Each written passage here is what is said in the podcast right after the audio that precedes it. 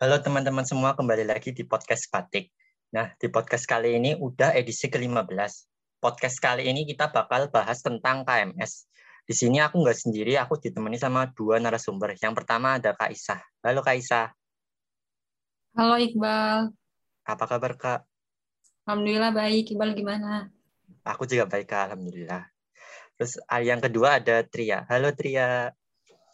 Halo Iqbal. Gimana Tri kabarnya? Baik, baik. Alhamdulillah. Langsung aja deh kita mulai langsung ke pertanyaan yang pertama.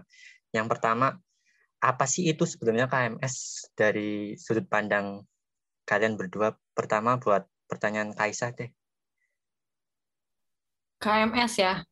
KMS itu uh, kompetisi ya di bidang matematika, kimia, dan fisika tingkat nasional gitu.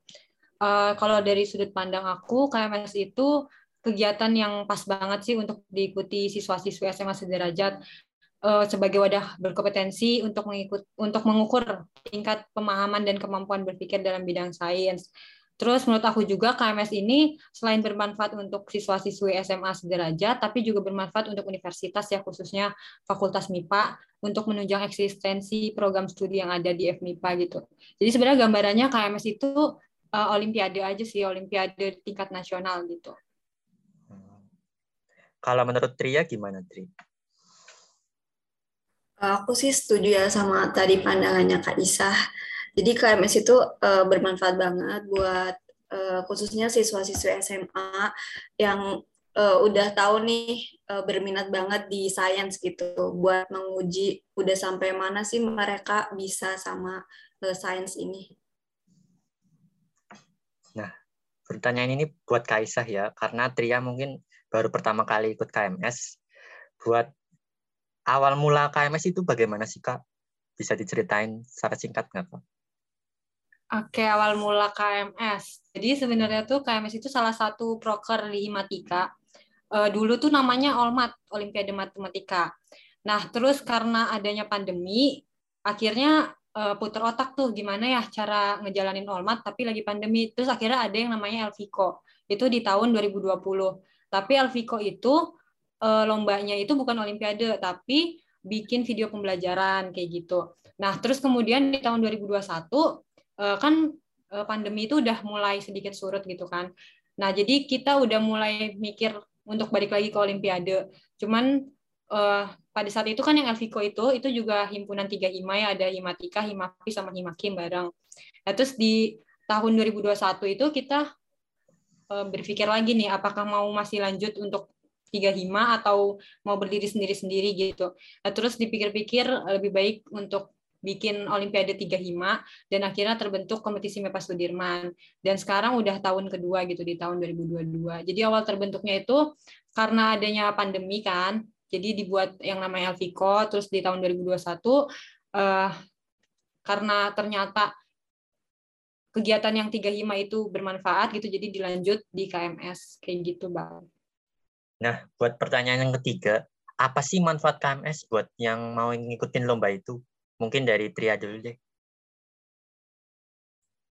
Oke, kalau manfaat eh, KMS dari pesertanya sendiri itu uh, yang tadi aku bilang ya, uh, ini tuh kan kompetisi itu buat mengukur udah sampai mana sih mereka tuh paham sama yang apa mereka pelajarin selama mereka di SMA ini. Jadi kalau misalkan udah diukur nih, mereka tahu kurangnya tuh di mana. Jadi sama mereka tuh bisa dibenerin gitu, bisa uh, diulas lagi gitu. Kalau dari Kaisah gimana, Kak?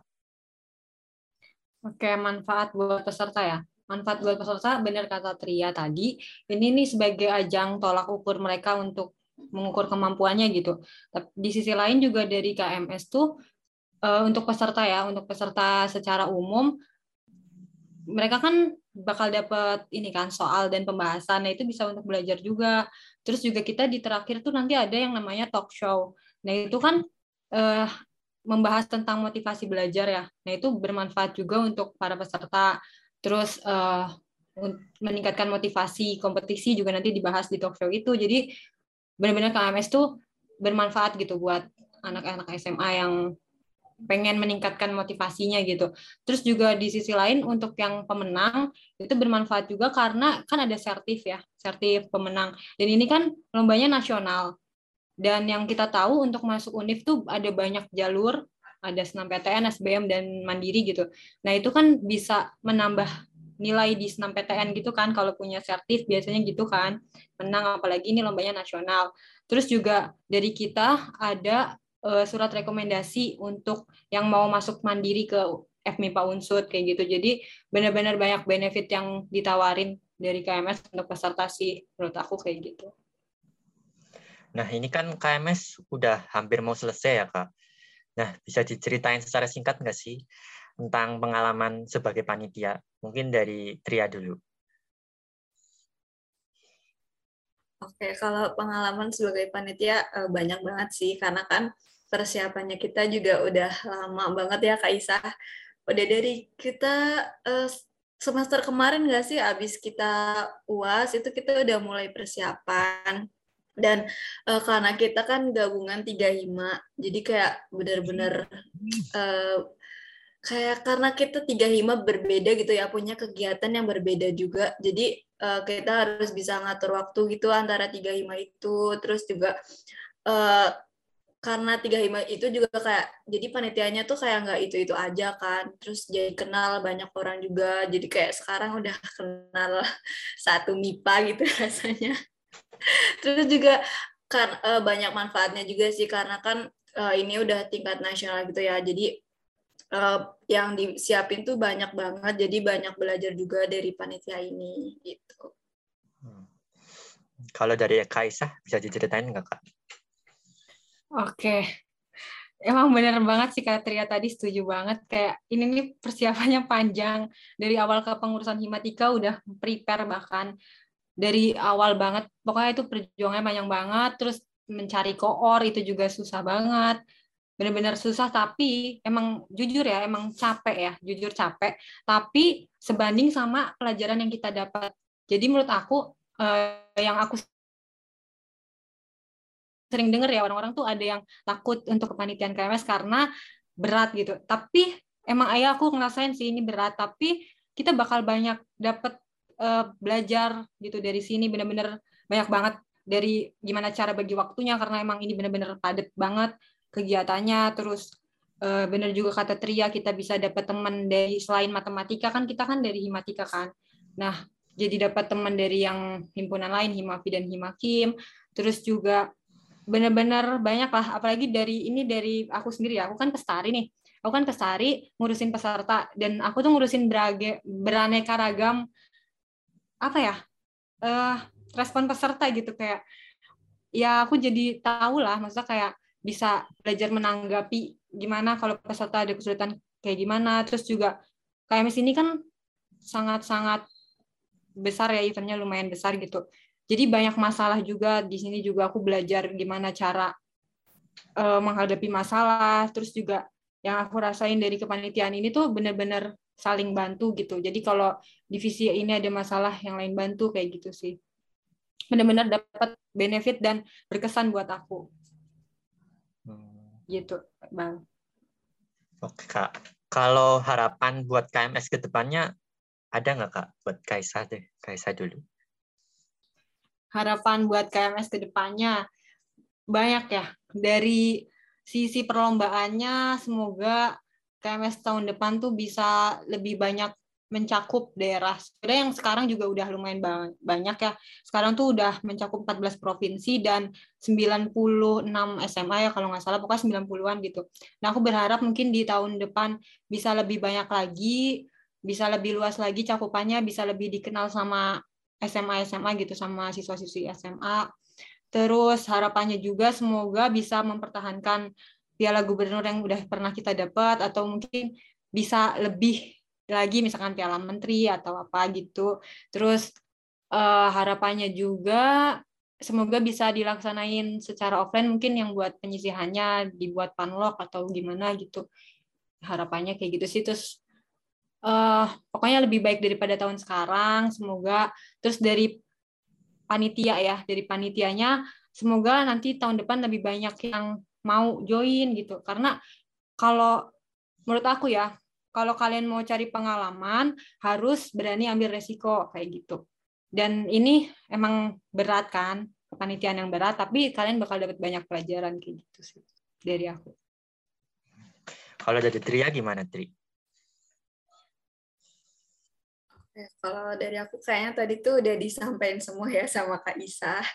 Uh, paling aku mau nambahin sedikit sih yang tadi buat panitia. Semoga tahun depan uh, makin banyak yang berminat. Karena walaupun ini uh, event besar gitu terus kayak susah. Cuma kan kalau rame-rame gitu kan jadi bisa lebih ringan gitu. Terus juga uh, semoga tadi Piala Gubernur juga tahun depan masih bisa dapet. Kalau bisa lebih tinggi gitu ya Piala Presiden.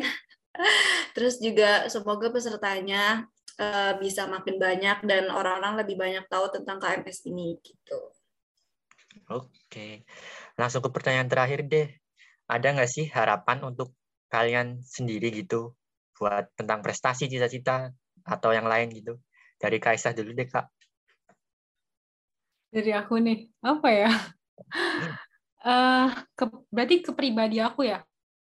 Ya harapan gitu cita-cita gitu uh, kalau yang jauh-jauh belum kepikiran sih ya. Mungkin harapan yang terdekat apa ya? Ya apa ya? Aku juga kurang tahu ya harapan aku apa. Aku nggak punya harapan. Gimana dong? Apa uh, harapannya apa ya? Ya semoga dalam menjalani perkuliahan aku bisa bisa tetap mempertahankan apa yang udah aku dapat atau mungkin melebihi gitu. Terus semoga bisa lulus tepat waktu. Kayaknya itu semua keinginan semua orang ya. Dan mungkin harapannya aku bisa untuk tahun depan kan aku udah agak ada kegiatan gitu. Semoga aku bisa lebih fokus sih ke, ke kuliah gitu. Kalau Tria gimana Tri? Kalau aku juga nggak muluk-muluk sih. Semoga semester ini yang benar-benar hektik. Semoga bisa lulus di tiap matkulnya aja udah alhamdulillah bisa. Tapi semoga dibarengin dapat IP atau IPK yang bener, yang bagus juga di semester ini. Oke deh, semoga harapannya Kaisa sama Tria tercapai deh ya. Amin. Sama semoga KMS tahun ke depannya makin lebih baik lagi. Mungkin cukup sekian dari podcast kali ini. Terima kasih buat Kaisa sama Tria yang udah join podcast kali ini. Sekian dari aku. Terima kasih. Sampai jumpa di podcast selanjutnya. Dadah.